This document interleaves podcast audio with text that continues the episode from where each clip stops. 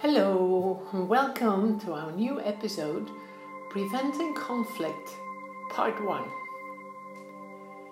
Wherever people live together, there may be conflicts that arise occasionally because, you know, we're all different with different experiences, different habits, different values, different expectations.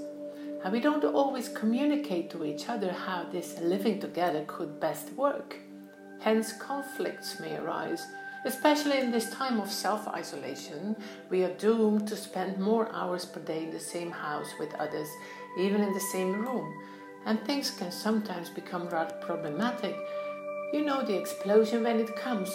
Ah, oh, for goodness sake, why do you always have to do that?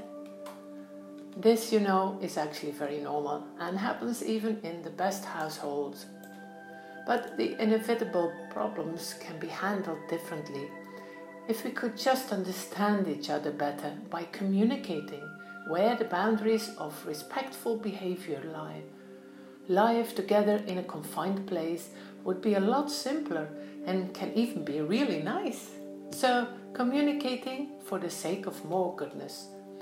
My name is Mia Van Steenwinkel, and this episode is part of a series about cocooning smart for students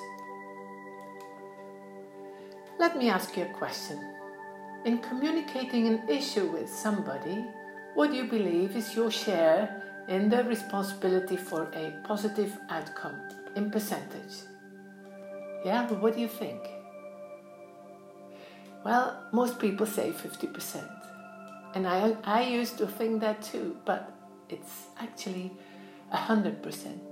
100% our own responsibility Okay, we can't control how someone else reacts, but by seeing it as our own full responsibility, we stop blaming the other and instead we try to handle the issue in a way that leads to something positive. Through first listening and understanding the other's point of view, we can make the other person feel understood and respected and be open for our point of view as well. Thus, we, we create a productive conversation like that. And the minute I understood that, everything changed. Remember Stephen Covey with the seven habits of highly effective people? Well, these are his words. Quote, if I were to summarize in one sentence the single most important principle I, I have learned in the field of interpersonal relations, it would be this Seek first to understand, then to be understood. Unquote. Most people do not listen with the intent to understand, they listen with the intent to reply. If you're like most people, you probably seek first to be understood. You want to get your point across, and in doing so, you may ignore the other person completely, pretend that you're listening, selectively, hear only certain parts of the conversation, or attentively focus on only the words being said but miss the meaning entirely. So, why does this happen? Because most people listen with, with the intent to reply, not to understand.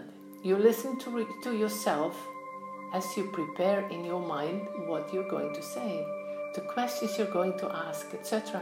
You filter everything you hear through your life experiences, your frame of reference. You check what you hear against your autobiography and see how it measures up.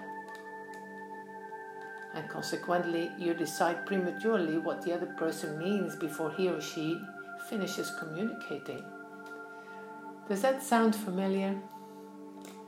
So, Instead of judging or defending or justifying yourself or hearing it through reflecting it to your own situation, try to understand their perspective first. Try to understand how they are feeling and why.